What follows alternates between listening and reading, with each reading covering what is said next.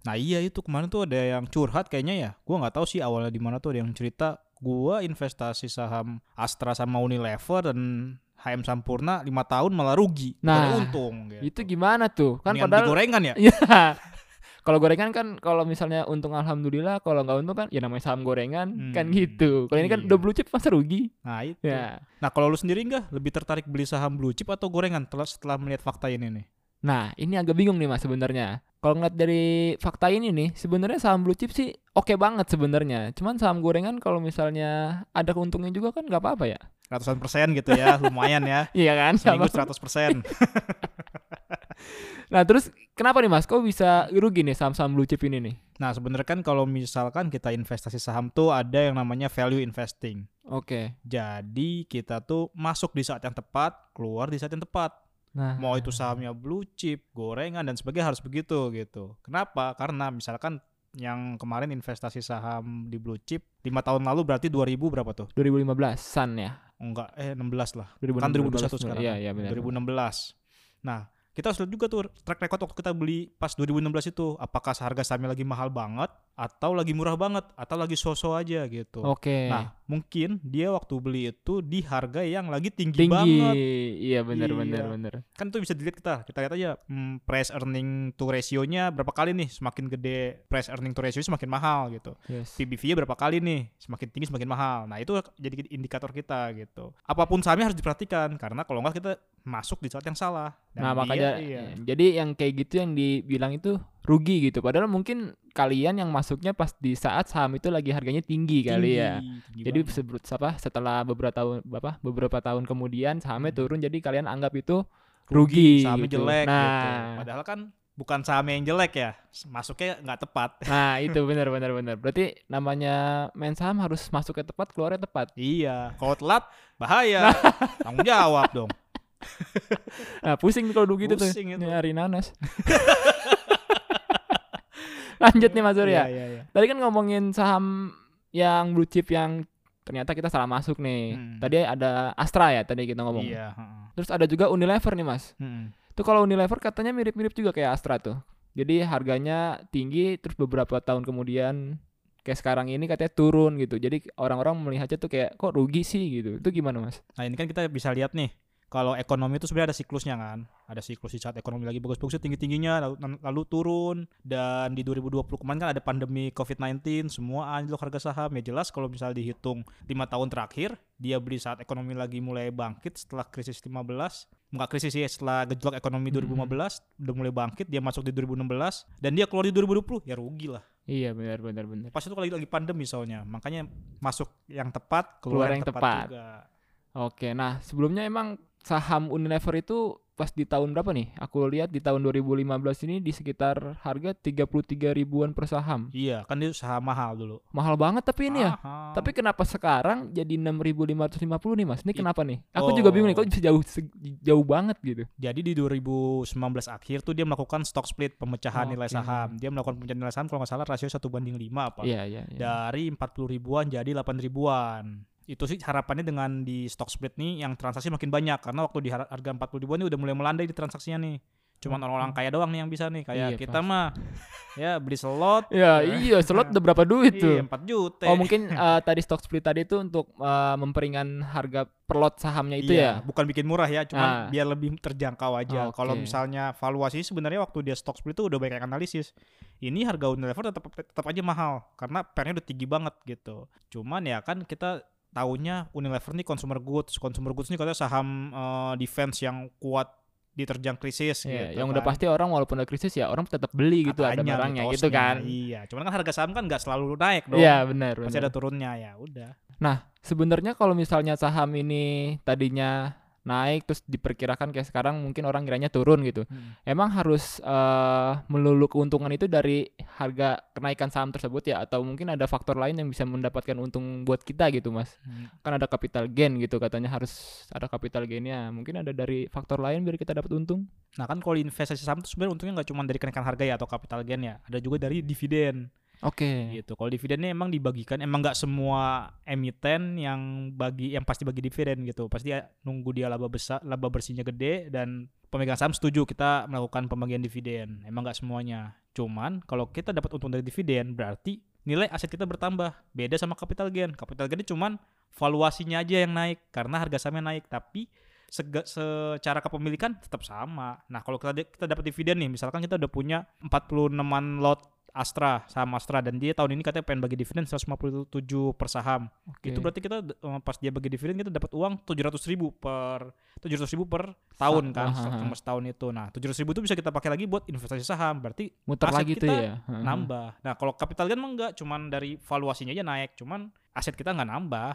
Jadi perspektif investasinya sih yang harus Oh, diluruskan. iya, mau benar-benar. numbuhin aset atau mau ningkatin valuasi. Iya iya iya iya. Iya. Kadang kan yang jadi bikin bingung itu kadang ketika orang mungkin yang mainnya itu kayak harga tinggi dikit jual, Nah, tinggi iya. dikit jual gitu kan. Jadi ketika pas ada harga tiba-tiba turun kayak ah kenapa nggak gue jual Nah, kemarin gitu iya, kan ya. Iya.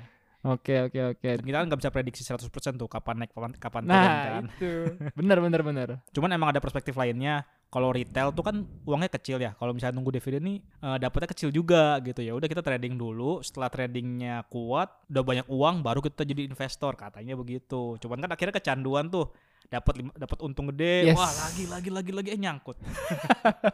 Itu yang bikin pusing tuh. Iya. Kadang nafsu sih udah dapet untung lagi lagi gitu. Nah kalau lu lebih suka yang mana nih? Mau nyari capital gain atau dividen? Kalau aku sih mungkin dividen aja kali ya. Karena kalau misalnya ngarepin capital gain mungkin takutnya kayak yang tadi Mas Surya bilang gitu. Maksudnya kayak ya ngarepin tinggi turunnya kan juga nggak nentu gitu ya. Maksudnya kayak belum tentu itu rugi gitu. Sebenarnya nggak mas- nggak salah sih kalau milih capital gain. Karena kan namanya juga orang investasi punya untung kan ya. Iya benar. Ya nggak masalah sebenarnya. Cuman Heeh. ya jangan sampai jadi target utama wah gue harus terus terusan capital gain nih. Nah itu Jadi ya ya ya. ya. Dividen juga masih ada salah satu faktornya kan, salah mm, salah satu keuntungannya gitu. jadi mungkin bisa direncanain eh, misalkan ada beberapa gue emang ngincer kenaikan nih dari harga saham nih cuman jangan ditargetin sehari atau dua hari langsung cuan Nah, Bisa. Iya iya iya.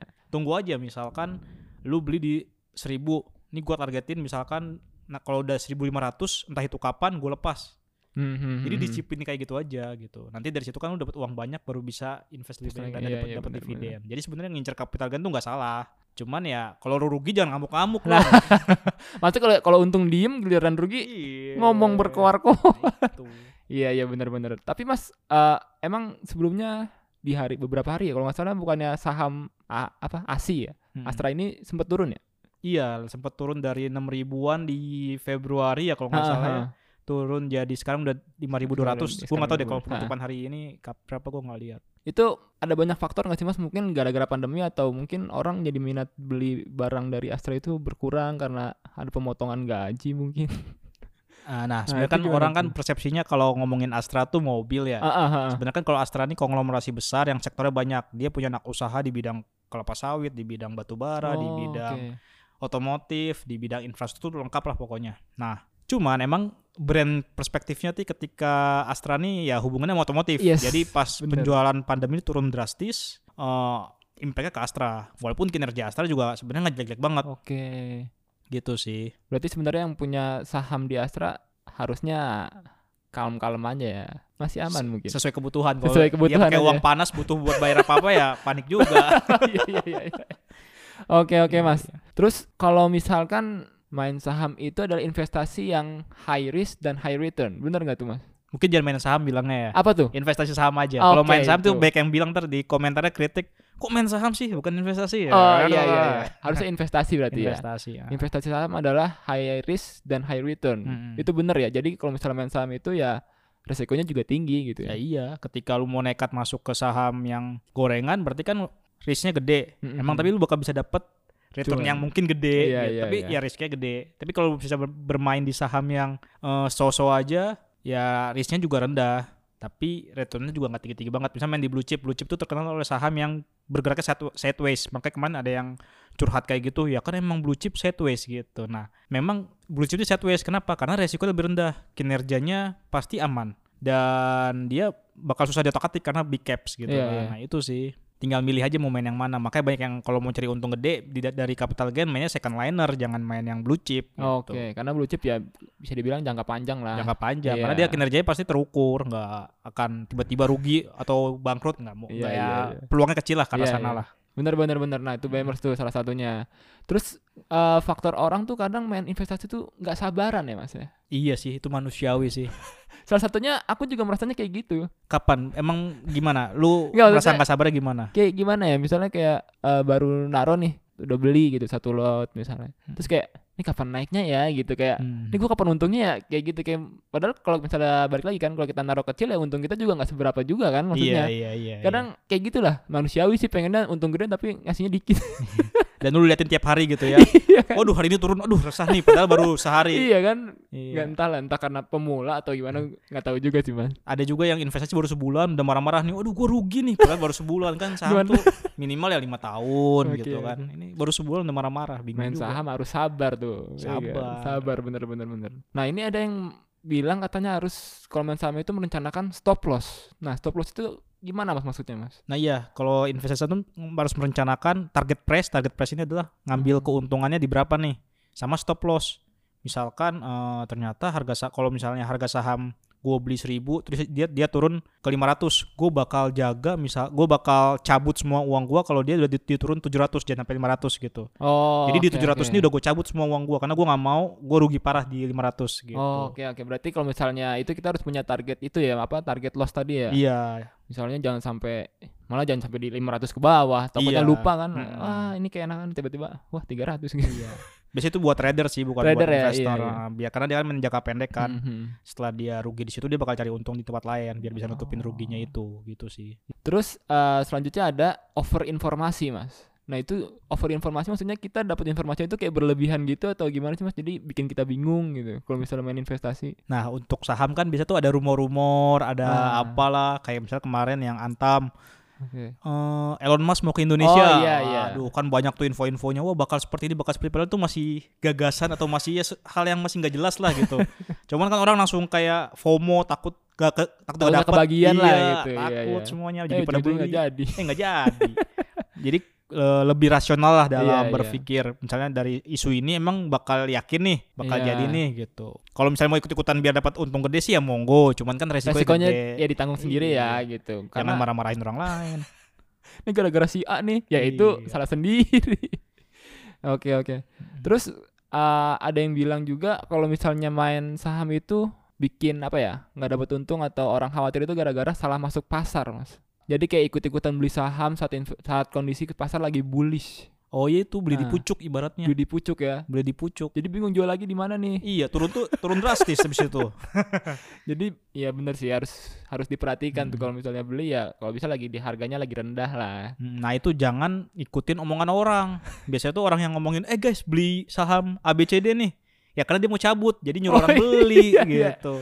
oh iya ya Iya, bisa dia bisa. cabut orang beli dia Ini angkut untung dah itu ya. yang lain nyangkut Oh iya iya iya iya.